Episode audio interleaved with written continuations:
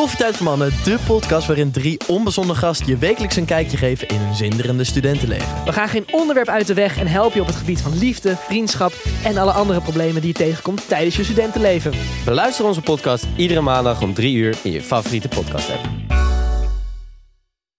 Ja, het is zover. De allereerste Festivalpraat staat online. Elke zondag komt er dus een nieuwe aflevering online. Hierin gaan we veel verder dan onze verhalen in Borrelpraat. Het is exclusief, alleen voor de luisteraars die niet alleen van een borreltje houden, maar misschien ook van een borrelnootje. Hè? Wat wordt er dan besproken? Nou, eh, gênante verhalen. DJ's worden uitgenodigd. Organisatoren komen langs. We gaan praten met mensen die een, eh, een interessant leven hebben geleid. Of het naar boven of onder het oppervlak is, als je begrijpt wat ik bedoel. We gaan alle leuke mensen hier aan tafel krijgen, omdat we gewoon echt een goed gesprek willen gaan voeren. Ja, de link staat elke week in de beschrijving van Borrelpraat. Voor 3,99 euro per maand kun je dus wekelijks van deze extra aflevering genieten. En daarmee support je ons gewoon. Want door die inkomsten kunnen wij Borrelpraat ook blijven maken. En we hebben soms een beetje advertentieinkomsten, maar eerlijk is eerlijk. Dan kan ik misschien een pakje luiers voor mijn kind verkopen. Maar Charlie verdient ook een broodje.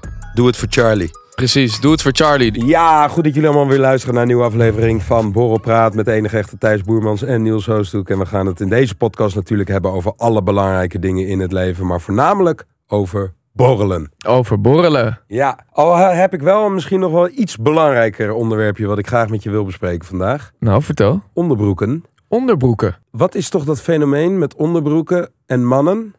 Met dat gat eronder. Juist. Bro. Ik heb, ik heb weer allerlei onderbroeken moeten wegflikkeren. Ja, Er zaten weer zulke kijkgaten. maar alleen onder, hè? Ja, Alleen onder. Dus gewoon waar je gat zit, zeg maar. Waar je reet zit. Ja, Daar gast. komt altijd... Ja, ik weet het niet. Zo, het gaat maximaal een jaar mee, anderhalf jaar. En dan, dan komen ze weer. Het is net als, een, het is net als hoe, hoe iPhones slomer worden. Expres. Lijkt het alsof daar expres gaten komen. Ja, het impliceert natuurlijk dat je enorm veel zit te buiten. Maar het kan natuurlijk ook zijn dat je gewoon heel veel stappen zet. De he- hele dag toch? lopen we squattend rond. Ja, ja. maar denk je, oh, heb je weer zitten buiten? Nee man, ik heb gewoon veel stappen gezet. Bro, squattend ergens heen lopen. Weet je hoe lang het duurt? Wat een onzin. Ehm, ja, ik heb echt geen idee. Ik denk dat het gewoon eh, de bedoeling is dat je gewoon van tijd tot tijd een nieuwe reeks aan onderbroeken moet kopen Ja. via hun. Maar af en toe komt het wel echt enorm slecht uit. Als je erachter komt en je hebt bijvoorbeeld een of andere doorpasdag voor een nieuwe film. en in één keer, in één keer komt daar die skippybal uit. oh, sorry jongens. Je hebt toch, je hebt toch die dude... Gooit weer een nieuwe bloemkool. Je hebt, je, hebt toch, je hebt toch die dude die zo squat en pap. En die knalt twee ballen knallen eruit zo. En hij zo... En hij loopt gewoon weg. Direct naar huis gaan. Echt waar? Ja, ja, ja. Het is zo gênant altijd. Ja, Ik snap het ook niet. Ik snap er geen reet van. Nee. Maar goed, Maar eh, misschien hebben de luisteraars wel een goede tip voor ons. Een bepaald onderbroekenmerk wat dat niet heeft. heb je wel eens, heb je wel eens, even op een gegeven moment zag ik een paar memes of zo langskomen over wat, er, wat een zogenaamde nieuwe trend was rondom eh, homoseksuelen of zo die onderbroeken aandeden. Ja. Eh, dat was een soort thong van de voorkant. Heb je dat gezien? Nee, wat is een thong? Je weet toch hoe, een, eh, hoe je als je met een, als je een hond uitlaat en je gooit een bal. Zo zag dat ding eruit. Het is, ik moet, hier moet een foto bij komen. Anders snapt niemand er wat van. Zo'n wegwerpding voor een bal van een hond. Ja, ja, ja. Dat ding, waar de bal dan in zit, daar zit je, zit je geslachtsdeel dan in. Ja? En de rest gaat dan rechts over je dijen. Of rechts over je been heen. Het ziet er niet uit. Het lijkt een grap. Het is blijkbaar echt een rage Maar dat geweest. is om, om je zaakje in het gereel te houden? Ja, maar, zeg maar, oh ja, maar ook heel bloot, zeg maar. Het was Ja. een soort rage in Ah. Mykonos of zo. Ik ga een foto erbij pakken en je gaat schrikken van, van hoe kan dat? Ik droeg vroeger van die, eh van die wijde onderbroeken, weet je Ja, wel. maar dat je- is ook kut. Ja, dat is echt eigenlijk... Maar die had ik dan ook met voetbal. Vraag me niet waarom. Dat want is echt nog kutter. Ja, dat is echt de minst goede combo. Alleen...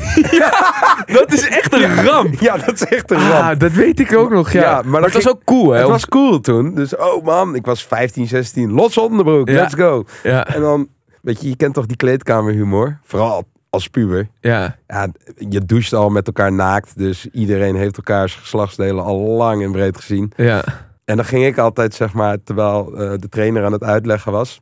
Heel serieus praatje over de strategie. Weet je wel, we moeten Ja. compact spelen. ja, ja. Over de hele gooi als je niet meer weet. En eh, ja, dan zat ik tijdens dat serieuze praatje, ging ik zo wijd zitten. En dan liet ik gewoon eh, met mijn skippiebal aan de een, aan één kant hangen. En dan ging ik contact opzoeken met andere gasten in de kleedkamer. En dan zie je dus, met, zie je dus mijn vrienden, zie je maar rood worden. En hun lach proberen onder controle te krijgen. Dat lukt niet. Vervolgens heeft de trainer door Waarom zit iedereen hier te lachen? Ik heb ondertussen al lang weer alles goed gelegd. Dus zij kunnen niet zeggen, ja, hij, la- hij laat zijn ballen weer zien. Want hè, waar, waar, waar hebben ze het over? Dus ik was eigenlijk alleen maar proberen mensen aan het lachen te krijgen daar. Door middel van je ballen. Ja, prof werd je sowieso niet meer. Nee. Weet je wat ook grappig is? Iemand geïnteresseerd in een broodje bal, jongens? je weet toch ook hoe... Vroeger was er altijd één vriend in je vriendengroep... die eh, voelde altijd de noodzaak om toch maar even zijn zwans te laten zien. Ja. En die had dan als enige een vleeslul. Dus dat is zeg maar... Je hebt het verschil tussen een bloed en een vleeslul. Leg Het is- dat hier eens even in borrelpraat uit. Het klinkt, het klinkt onsmakelijk. Ja. Is, het is allemaal niet zo erg. De ene wordt groot wanneer die eh, opgewonden raakt. En de andere is het al, maar die wordt dan niet heel veel groter. Nee. Maar ja, de ene die het al is en niet heel veel groter wordt, die is altijd wel alsof je zeg maar alsof je op vakantie in een warm land bent en je bent ontspannen. Zo ziet hij er dan uit. en dan heb je één gast die in dan die groep, als je een beetje aan het drinken bent met je vrienden, dan denkt: het is nu even tijd om te laten zien hoe dominant ik daar beneden ben. En die begint dat te zwaaien. Het is, het is, denk je dat dan vrouwen dat ook doen? Bij jongens gaat dat er niet uit. Maar of heb, zo. heb jij wel eens, eh, zeg maar, vooral in je studententijd, dat is echt een leeftijd waar mensen continu met hun handen in hun onderbroek zitten. Gaap. Ben je wel eens een, een, mannenkamer binnengekomen en er zaten acht gasten tv te kijken? Zonder- Iedereen, iedereen zit gewoon met twee handen in zijn boxer. Zit gewoon zo, ongegeneerd. Het is gewoon een tik van elke man. Ik Ja. heb ook zo'n klein Joods vriendje. Wat ik, eh, zo'n klein vriendje, hij is Jood. klein Joods vriendje. En die zit gewoon, die zat gewoon. Het was zo. Die wonen we op een gegeven moment in Londen en in de klas. En die zat op een gegeven die zat continu met zijn hand in zijn broek. Ja. Gewoon alleen maar. En die, kon, die praatte, die liep, die deed alles Ja. met een hand in zijn broek. Ja, en koorballen die, die doen dat zeg maar zo vaak dat ze af en toe vergeten dat ze niet in een privézetting zitten. Ja. Maar die doen het dan gewoon op het terras terwijl ze aan het bellen zijn. Ja, ja, Dan staan ze gewoon, hé hey, Pieter Jan! En, dan en dan staat hij gewoon met één, ja even kijken, even zijn hele zaakje goed te doen. Ja, maar oké, maar die hakken ook, die hakken ook sos naar binnen op een terras. Dus ik weet niet of, het, of dat eh, de standaard is. Maar goed, elke gast die zit wel echt met zijn hand in zijn broek. Ja, Dat is bizar, toch? ja, dat is wel... eh, maar op een gegeven moment g- gaat het een beetje weg, toch? Ja, eh, als je manieren leert, Ja, je- ja, ja. toch? ja, ja, ja. Ehm, weet je wat net gedraaid is? Nou, De Zomercliff oh, van GTST. En hij is goed ontvangen. is die goed ontvangen? Ja, het was een, eh, Ik heb dat trouwens gelezen op Ja. internet. het was een, eh, een grootse, grootse kettingbotsing. Veroorzaakt door mijn moeder. Omdat hij niet over Henk eh, zijn nieuwe liefde heen kan. Ja, En die raakt in de war van, de, van het overlijden van haar vorige man. Mijn, mijn zogenaamde vader, want mijn echte pa is dus nu Johnny Kraaikamp, Henk Ja. Visser in de, in de serie. En die, eh, en die denkt, nou laat ik eens even aan de hand trekken en, eh, en vijf auto's van alle families binnen Meerdijk eh, op elkaar laten crashen. oh, dus En dan komt, heb je- uit een soort wraak. Ja, maar het was wel echt on-Nederlands. Het was echt vet. Grootse, Ja. Groot spektakel. Allemaal auto's over de kop. Ja, ik weet niet hoe, of ik kan zeggen hoe lang, maar we hebben daar wel een hele tijd aan gezeten. Dat is echt heel erg mooi geworden. Dus de miljoen GTST-fans.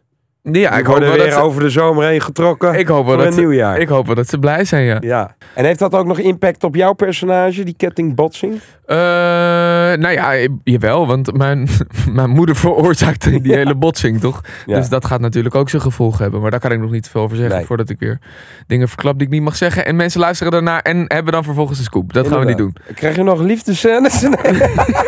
Gaan we allemaal niet over praten. Nee. Maar ja, goed, dat was leuk. De Leuk, eerste man. keer dat ik, eh, dat ik de zomercliff kan meedraaien bij GTST. Ja. Ja, En krijg je nou ook, ook veel man, want je hoort wel eens die verhalen van mensen eh, die in GTST spelen. eh, dat heel veel fans die kunnen zeg maar geen onderscheid maken tussen de realiteit en eh, fictie. ja. Dus die denken echt dat jij, hoe heet je ook? Jonathan. hè? Jonathan heet Die denken echt dat jij Jonathan heet. En die denken ook echt dat jij een advocaat bent. Heb je dat al soort van Nou, ik- binnengekregen? Nou, ik, ik, ik verwacht het wel echt bij de kijkers die eh, bijvoorbeeld een, een Ludo al twintig jaar zien. ja, Die kunnen echt niet denken, oh, hey Erik. Dat gaan ze niet denken. Die denken, oh, dat is Ludo. ja. Eh, ik heb wel toevallig vorig weekend eh, was ik bij een tankstation. Even een shout-out naar het beste tankstation eh, in Nederland. Dat is de Haarijn. Die heeft namelijk en een Starbucks en een heel uitgebreide... Is dat in en de een Starbucks? van Utrecht? Ja, ja, ja. En die Starbucks hebben ze. En ze hebben allemaal zelf eh, versgemaakte broodjes. Ja, ik ken de moeder daarvan. Uh, sorry, de moeder. Wat? De moeder van Haarijn. Die ken ik. Haarijn? Wat een gore naam. Stel, ja, ik heb een vriend die heet Haarijn. De moeder daarvan. Nee, ja, ja, Wat de Nee. fuck? nee. ik heb met een meisje... Structuur in deze Ja, aflevering. Ik heb, ik heb een meisje die... ehm, nou goed, haar moeder, die is de eigenaar volgens mij van Haarijn. Oh. En dus ik kon eh, een tijdje tijdens een productie altijd gratis broodjes krijgen. Want we moesten in de buurt van Utrecht eh, werken. Nou doet er niet toe. Ja, Lang verhaal. ja, goed. Toen was ik dus bij de, bij de, bij de kassa. En toen zag ik zo'n mannetje. Heel lief mannetje. Dus Ja. als hij luistert, eh, shout-out naar jou. Eh, die zei toen, dat wordt dan eh 12 euro. Meneer Jonathan. en toen dacht ik, ja, maar dat vind ik ook wel aandoenlijk. Maar ik heet gewoon thuis, dus je hebt het verkeerd. Ehm, goed, Maar krijg je dat ook op straat? Ik krijg, bij mij is het altijd hetzelfde van... ben je ook gratis binnengekomen? Ja, maar-? Mensen koppelen dat gewoon... jij dat, is bent, gewoon de, dat is de openingzin naar Niels Ooster. jij bent Ben je single... gratis binnengekomen? Pas op hoor met hem, want Ja. eh, hij betaalt niet hoor. Jij bent single-handedly eh, verantwoordelijk voor iedereen die tegenwoordig over hekken klimt festivals. Ja, ja. Want ik zag het ook weer bij, eh, bij een ander filmpje. Ik weet niet waar het was. Misschien was het Verbond of zo. Echt gewoon. 20 boys. Gewoon Ja. snel, snel. Ja, tickets zijn duur. Hey, man. Ehm, maar, eh, ja, maar jij staat ook op allemaal meme-pagina's. ja. Van die, eh, van die eh, harde, harde drugspagina's. Ja, ik weet ja. niet of je daar heel trots op moet zijn. Nee, maar ja, die gasten die, die maken er echt een sport van om mij eruit te halen. Als ik al in een filmpje zeg, op naar de dood. Dan staat daar weer een tekstje boven van, ik vlak voordat ik pak heb besteld. Ik moet zeggen dat al die pagina's, schoudertassie en weet ik veel, eh, gouden ketting. Ja. Dat zit, wel echt accuraat. Het Ja, is echt leuk. Zeer goed, Ik hè? vind het zo grappig. Ja, ik vind het ook heel gek. Ik moet ook zeggen, ik vind TikTok ook een geweldig platform. Ja, Je kan zeggen dat de concentratieboog van, el- van iedereen die nog volwassen moet worden, da- daarmee helemaal opgefokt raakt. Maar tegelijkertijd zijn mensen fucking creatief daar. Het is gewoon echt, er wordt kunst gemaakt daar. Ja, ik, vind, ja. ik kan gewoon uren kijken en denken, ja, ik voel me wel voldaan. ja. Ik voel me niet leeg daarna. Weet je dat ik... eh, sorry, we hadden het net over GTST. Ik heb gewoon geacteerd met een collega van jou hè, in Kroatië. Bertri. Oh, Bertrie! Ja, daar, daar acteer jij toch mee? Die zit Ja, in GTST. Ja, oh, die heeft die, die, heeft die film met jou net ja, gedaan. klopt. Hoe was We hebben ze? het ook nog uitgebreid Ze is leuk, hè? Ja, zij is geweldig. Ja, ze is fucking Sport voor geen meter, maar daarom is ze leuk. Ja, ze, is, ze, is, ze is knettergek, Ze is maar ze, knet- ze is echt leuk. Ja, klopt. Het is echt heel erg leuk. Ik was ook laatst. Ik moest ook zeggen, zij vertelde op een gegeven moment van... eh, ja, eh, ik woon in eh Kortehoef en blablabla. En Kortehoef ken ik, want ik woonde in Hilversum. Dat ligt tegen Kortehoef aan. En al mijn vrienden in de klas, die kwamen uit Kortehoef. Ja. Maar ja. Ik weet echt niet waar je het over hebt. Ik ken alleen Nee, nou Amsterdam. ja, dat is gewoon een klein dorpje. oké. Kortehoef is gewoon... Ja. En zij vertelt van... ja, het is echt eh, prachtig. En ik, ik zat zo... nee, dat- want het was het eerste gesprek wat ik had. Oh ja, ja, ja, is eh, prachtig. Ja, ja. Maar eerlijk gezegd, Thijs... als ik diep in mijn hart kijk... ik zou er niet doodgevonden willen worden. Waarom zeg ik dat? Wat een kutplek. Ja, ja. Dus, achteraf dacht ik... Ah joh, tegen Bert ik dit gewoon prima kunnen melden. Ja, je had gewoon kunnen zeggen, maar het is, is toch verschrikkelijk. Wees nou wel eerlijk. Ik moet zeggen dat als ik langs mijn oma ga, eh, ik heb er nu nog maar één, maar vroeger ging ik dan naar Limburg en soms nu nog naar eh, Amersfoort. En daar is het wel rustig. En dan als je toch uit een drukke stad komt en je bent daar geboren en getogen en je kent niks anders dan alleen maar geluiden, dan is die rust daar echt fijn. Behalve als het langer duurt dan een dag. En dan ben je weer Ja, helemaal ik- klaar ik- ermee. Het is voor, voor mij gewoon de balans. Want elk iemand uit de Randstad... die zal kunnen beamen dat hij het lekker vindt... om de Randstad af en toe te ontvluchten. Ik kan me ook voorstellen dat mensen die niet in de Randstad wonen... als ik zeg maar in een hele rustige omgeving woon... Ja. dan begin, na twee, drie weken begin ik wel kriebel te krijgen. Nee, maar kijk, Want dan je- wil ik gewoon een soort van het bruisende opzoeken. Dat snap ik, maar als, je, als, jij van een rustigere, eh, als jij van een rustigere plek komt en je gaat naar de stad, weet ik veel, om te studeren of wat dan ook, Ja. dan he- hebben meestal hebben dezelfde mensen dan wel weer de neiging om na een, na een paar jaar wel weer terug te gaan naar Ja. die rust. Ja, klopt. En als je dus opgroeit in drukte, dan is rust fijn, omdat het je hoofd even stil maakt. Maar daarna moet je die drukte weer hebben, want dat is je, Ja, dat is je, motor. ja, letterlijk. Ja, Dat is wat voor jou normaal is. ja klopt. En ik zou het ook niet anders willen, denk ik. Nee, nee, ik ook niet. Maar goed, wellicht eh, hè, worden we oud en kunnen we het niet verkroppen dat we geen huis meer in Amsterdam kunnen betalen. En ga je tegen al je vrienden zeggen, oh, dat is echt, een- echt een goede buurt Oh, geworden. ga, naar, ga naar Hoverkade. Waar, Nee, maar Beverwijk is vet hoor. Voor iedereen die in Beverwijk Nee. woont. Het is niet vet hè. Wat denk je dat de kutste plek is om te wonen? Wat de kutste plek is om te wonen. Oh, dat is toch wel eens, eh, is toch wel eens, eh, is toch wel eens gedocumenteerd. Dat was zo'n zo een Pekela. Pekela? Pekela scheen de allerkutste plek te zijn om te wonen. Echt waar? Ja, dat had Ponyus op een gegeven moment gemaakt of zo. Ik weet niet. Ik zou... eh, ik vind het zuiden van Nederland vind ik eigenlijk best wel leuk. Tuurlijk, als je naar, is luister, als je naar. Maastricht gaat, dan ben je gewoon in Ja, ik Italië. vind Maastricht helemaal Ja, geweldig. het is echt top. Het is, echt, het is altijd lekker weer in De Maastricht. mensen zijn daar heel aardig. Ja, mijn schoonouders wonen daar dus. En ehm, ja, ik, ik, ik heb geen slecht woord over Maastricht. Ik vind het echt een leuke plek. En heel Burgondisch. Mensen zitten, zitten daar echt te genieten Ja, je hebt daar ja, die Goeie, goeie eettenten. Gebeurt veel. straatjes lijken niet op Nederland. Hoe heet die ook alweer, eh, die dirigent? Eh, André Rieu. Maastricht, ouwe. Ja. Die hebt daar sowieso ook. Daar, daar worden jaarlijks wordt daar de Flikker Maastricht conventie gehouden, volgens mij. Op het Vrijthof. is ook lachen. Mensen zijn zo diehard fan. Maar dat heeft Ja. wat 12, 13 seizoenen geduurd. Ja, Dat is ook vet, hè? Naast Ja. zo'n GTST. Dat, dat loopt zo lang. Dat is gewoon onderdeel van mensen hun leven. Ja. Moet ook zeggen, nu we het toch even over film hebben. Ik heb net Succession afgekeken. Gast, die laatste aflevering. Dit is echt een, dit is een geweldige serie over een soort schaakspel tussen een familie. Die allemaal de macht proberen te grijpen over, Ja. een, over het imperium van hun vader.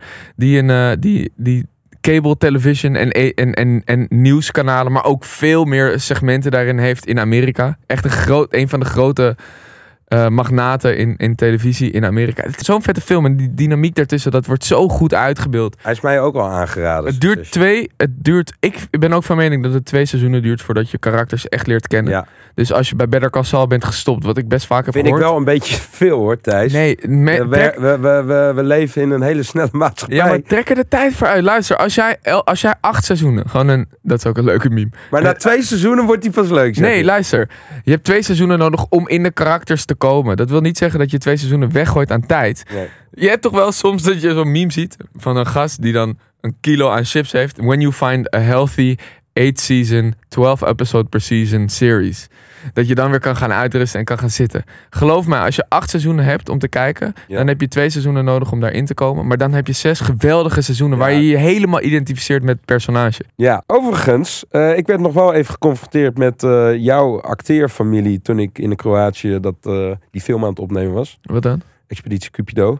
Ehm, op een gegeven moment zegt die focuspoeler, RJ, Robert Jaap, Ja? die Kan. zegt ehm, op een gegeven moment in een, in een nachtshoot, zegt hij, hey Niels, ik moest heel lang wachten. Kom eens, kom eens. Psst. Zo? Werd ja, je gelokt? Ja, ja, ja. Werd je gelokt? Ja, ik werd gelokt. De bosjes zien, jongen.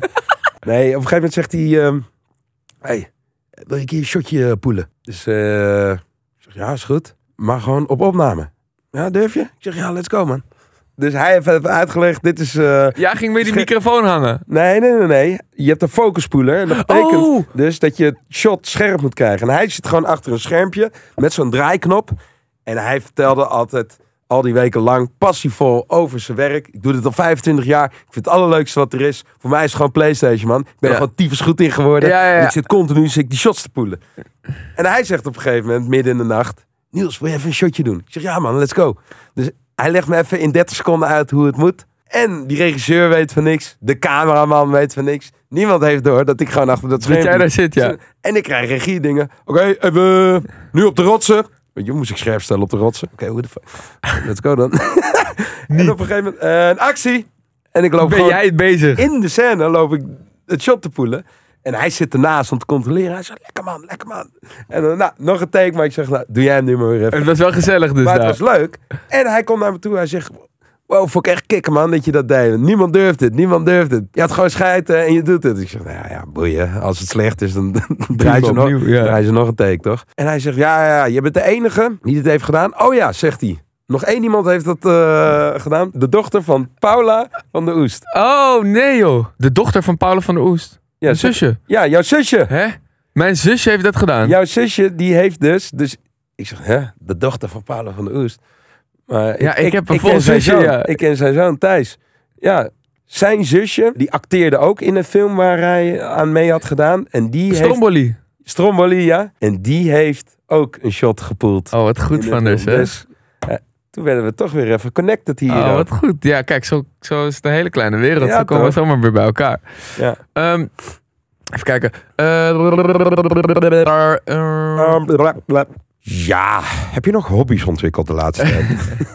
Als je zo doorgaat, ga ik echt even niet meer met je chillen. Yo, Mix, sorry bro. Kun je dat verhaal alsjeblieft? Maar, maar dat hebben we toch lang verteld. Nee, maar ik kan hem niet meer vinden. Gast, op een gegeven moment, even die, even die hele aflevering is die weg. Ik weet niet waar die is, maar... eh, Ja, ik zit op een gegeven moment, vroeger, ik bedoel even over gamen toch. We, ik denk dat iedereen eh, wel kan beamen hoe hard Modern Warfare 2 was. Ik denk de hardste game. Gaat niet over Modern Warfare 2, maar nu we het toch over game hebben. Eh, dat heb ik 53 dagen gespeeld. Daardoor ben ik van VWO afgegaan. Ja. Of in ieder geval ben ik blijven zitten dat jaar. Want je had ook 14 vakken toen je je keuze moest kiezen in je pakketten. Eh, dat was zo'n geweldige game. Maar er was nog een game. Dat was toen FIFA. En ik weet niet welk jaar dat was. Maar dat speelden we zo veel met vrienden. En dat was dan... Speelde je om 5 euro. Om het gewoon spannender te maken. Ik Ja. weet niet, het gaf het net een kick. ja. En een Jantje is een tientje. Dus ben je, ben je met drie punten verschil eh, aan het verliezen. Nou, dan is de wedstrijd al klaar. Ja. Dat gingen we dan roleren. Ik en mijn drie andere vrienden. Dat deden we tot nachten doorhalen. Deden we gewoon. En er was één goede vriend van me die ik ontzettend lief heb. Ik ga hem ook noemen. Hij heet Mick.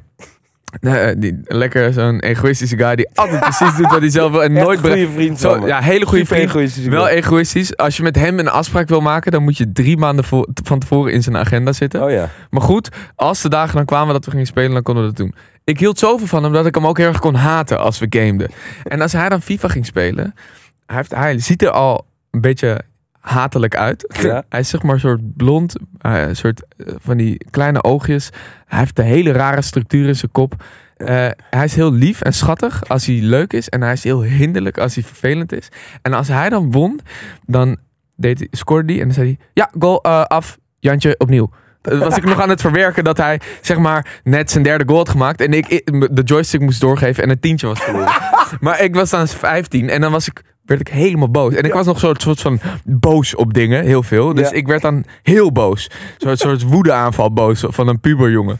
En dan zei ik, Mick, als je nog één keer zo reageert terwijl we aan het spelen zijn, dan ram ik die controller in je kop. En hij kijkt me aan en hij denkt, dit gaat me te ver. En hij sliste en hij zegt, Thijs, Thijs, sorry, maar als je zo doorgaat, dan gaan we even een paar maanden niet meer met elkaar af te spreken, ja? hij zegt, ik heb het even gezien met jou. Ik, en, en, dan was ik boos, woedend en dan moest ik in een hoek, moest ik zelf eerst even rustig worden om te zeggen, het spijt me Mick, sorry. Maar dat ging bij hem zo verkeerd en dan bleef hij wel rustig en dan zei hij gewoon, Thijs, ik zie je wel wanneer je het normaal kan doen, ja? Tot ziens. Maar Ook wel eens op een familievakantie. En ook een hele goede vriend van mij. Dat was dan een familie waar ik, waar ik, waar ik het, die ik heel erg mocht. Hele leuke, close familie. En die speelde dan eh, eh, toepen. Maar die deden toepen met regels. En dat was dan, je mag na als je vijf strepen hebt. Ja, voor de mensen die toepen kennen. Ah, goed. Als je een bepaalde, eh, bepaalde streep had, dan mocht je niet meer reageren. Was dan een extra regel. Dus als iemand dan zei, eh, gaat het een beetje? En je zegt nee. Dan kreeg je een punt. En die vader was hetzelfde als die zoon. Die zoon was mijn beste vriend. Dus die zei op een gegeven moment: Yo, eh, Thijs, heb je goede hand? Zei ik: Ja. Zei hij: Puntje. dus ik al een beetje hmm, best wel geïrriteerd. Ik heb een punt erbij. Ik ga dichter bij de eindstreep dat ik verlies. Dus hij zei op een gegeven moment: zei hij, Oké, Thijs, wil je dan de regels dat, dat we de regels wegdoen? Zei ik: Ja. Zei hij: Puntje.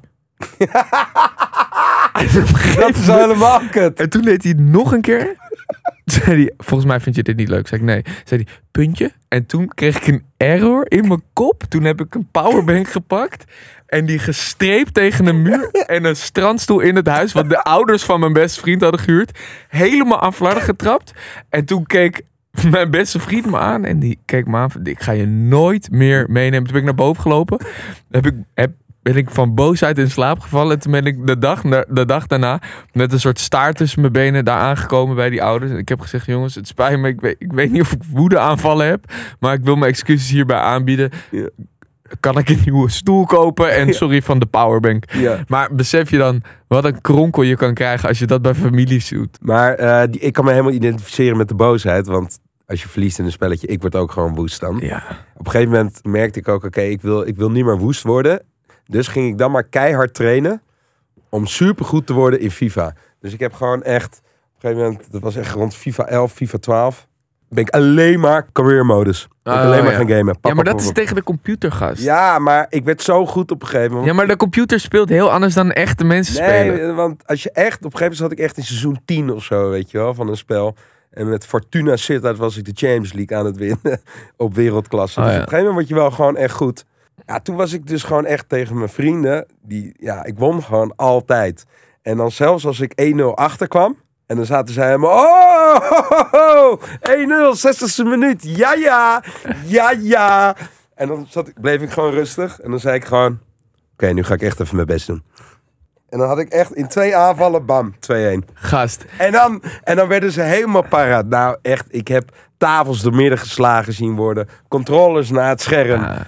Eh, op een gegeven moment was het zo erg dat als ik al de trap omhoog kwam... Want ik wil me gaan voegen aan het gezelschap wat aan het gamen was... Ging de Playstation uit. Oh ja. Nee, als jij komt doen we niet meer. Gast, ik heb, één, ik heb één vriend. Weet je wat gochme is?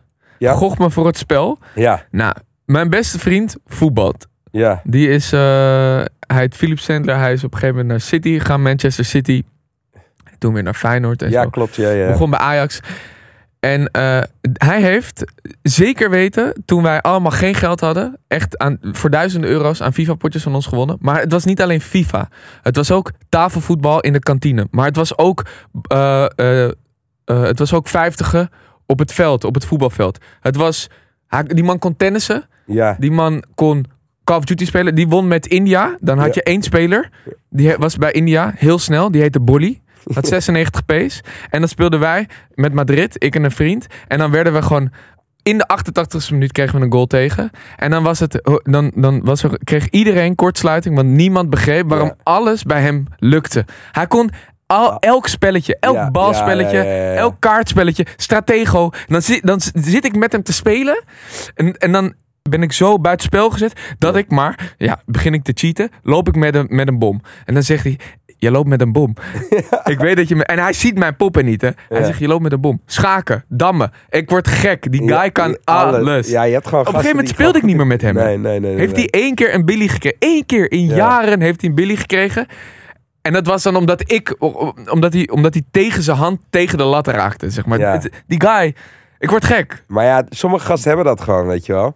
Maar goed, je, alle excuses bij, bij FIFA, die ken je toch ook? Iedereen zegt altijd hetzelfde. Als het even niet lekker loopt. Ja, Zeggen ze- tuurlijk. Weet je wel, spelen ze gewoon met fucking Manchester City. Ja, maar- maar- ah, dit team ligt me niet. Ja, of, of, of ik sta op alternatief. Ja, Mijn controle, mijn controle staat verkeerd. Ja, ja die centrale verdedigers zijn te traag. Zeg, hou je bek, joh. Dit zijn de beste centrale verdedigers in de wereld. Ja. Nee, nee, nee. In het spel zijn ze niet goed. Ja, ja, ja, ja, ja, ja, ja, ja, Of, of huh? Dat deed ik helemaal niet. ja, ja, ja, ja, ja, ja, ja. Het ligt nooit aan hun. I know, I know. ligt. Ah, Buk, Buk. Buk, buk, buk in het spel wat gewoon helemaal soepel loopt. Ja, inderdaad. Ja, nee, het is een ramp. Maar dat soort spelletjes zijn ook onderdeel van hoe... Ja, ik vind het zo leuk. Ja, man. Gamen is echt altijd leuk geweest. Jammer genoeg is, is, is FIFA bij mij gestopt. En ik denk ook, ik, Call of Duty ook niet meer. Maar ik hoop gewoon dat ze een remastered van MW2 gooien. Ik denk echt voor de luisteraars, als je MW2 hebt gemist, probeer te kijken even of je hem ergens kan spelen. Ja. Zie je soms zie ik TikTok filmpjes en dan doen ze zo'n melancholisch oud liedje van, van vroeger erop. Ja, dan ging ik gewoon bijna te janken. Je had toch ook wel eens... Het was echt mijn prioriteit. Je had gamen. toch ook wel eens een vastloper? Dus dan had je zeg maar van, eh, ik noem maar wat, na school van drie uur tot zeven uur gespeeld. Was je ziek veel verder gekomen, loopt het spel vast. Ja, maar dat is met... Nou, Dat is als je, als je missies deed bij GTA bedoel je? Ja, GTA, maar ook met oorlog, met in voetbalcareer. En dan was je vergeten op te slaan. Je moest altijd handmatig, vooral in die begingames, moest je handmatig opslaan. Ja, maar bij PS2 nog, dan moest je hopen dat het. Dat als je, als je je CD even had geblazen en hij ging erin, moest je hopen dat je PlayStation 2 woem, dat, Ja, dat gaf. ja. En als dat er niet stond, Ja, dan had je kans dat het gewoon een, een dag niet kon werken. Als je, als je hoopt op een dag gamen en je PlayStation werkt niet mee, ja. is een dag weggegooid van je leven. Maar überhaupt, überhaupt soms ging een spel niet aan. Bij de Nintendo 64 gingen spellen niet aan. Dat waren echt van die fucking schuiven die je erin ja, ja, moest doen. Gewoon letterlijk tosti-apparaten. Ja, ja, die apparaten. En wat, wat moest je dan doen? Moest je keihard gaan blazen. Doe je hem erin, gaat hij wel aan. Wat de fuck was dat, Ik ouwe? weet het, ik weet Waar het. sloeg dat op? Grap, of als internet wegviel. Ja, Ben ik ook helemaal... Of sle- met slechte internet gamen, ook een prachtig excuus. Ja, mijn frames per second zijn slecht. Ja, ja. Oh ja, ja, mijn reactietijd. lag heet ja, dat, ja, lag. Ja, ja, ja. Ik heb lag. Ik heb lag. Oh god. Oh, vroeger zat ik ook bij clans en zo. Dan heette en was mijn game naam op een gegeven moment. Eerst was mijn game naam D-Squared Killer. Nou, die allerlelijkste pata. Zeg maar die D-Squared schoen met de regenboogkleur en strepen. En daarna heette ik, omdat ik bij een clan wou, XX Quick for Life. En dan was de 4 een A. De A was een 4 en de E was een 3. En de X was met hoofdletter. En dan wou ik interessant lijken. En dan was mijn KD ratio 1.08. Ging ik één keer dood als ik één, één keer iemand kilde. Het was echt droevig. En het maakte niet uit, want ik speelde 53 dagen. ik was ver weg. Eh, Luister, ik heb nog op een gegeven moment meegedaan aan het allertrieste spel ooit. Omerta, Barra Franca. Dat was gewoon letterlijk inloggen. En je kon alleen maar drukken op, op dingetjes van... Wil je een hijs doen? Ja. En dan wacht vijf minuten. En dan zie je na vijf minuten of die gelukt was. maar de- voor de rest, het waren geen effects of zo. Het was gewoon... Je kon renken als poppetje, als soldier. Ja. Maar de, de hele fucking school deed dat. En dan in de klas had je het er al over van... Hey, ik, ben nu, eh, ik ben nu soldier geworden. Hoog gerenkt. Wil je met mij in de clan? Ja, is goed. Oké, laten we naar informatica gaan. En dan gingen we naar een vak waar ze allemaal computers hadden. Ja, ja, ja, ja. En dan gingen we daar gewoon dat spel spelen. Het was zo triest. Maar hoe weinig hadden boys nodig vroeger? Hoe weinig? Maar goed, hey, eh, we moeten hem afsluiten. Heb jij zelf nou leuke gameverhalen die je echt even kwijt moet? Dan eh, kun je dat altijd even aan ons melden. In de DM, op Instagram of via Borrelpraat TikTok. En dan eh, gaan we dat misschien eh, volgende keer wel even bespreken. Ja, dat wil ik. Dat wil ik. Ja, toch? Oké, is goed. Fijne week iedereen. Doei doei. Bye bye.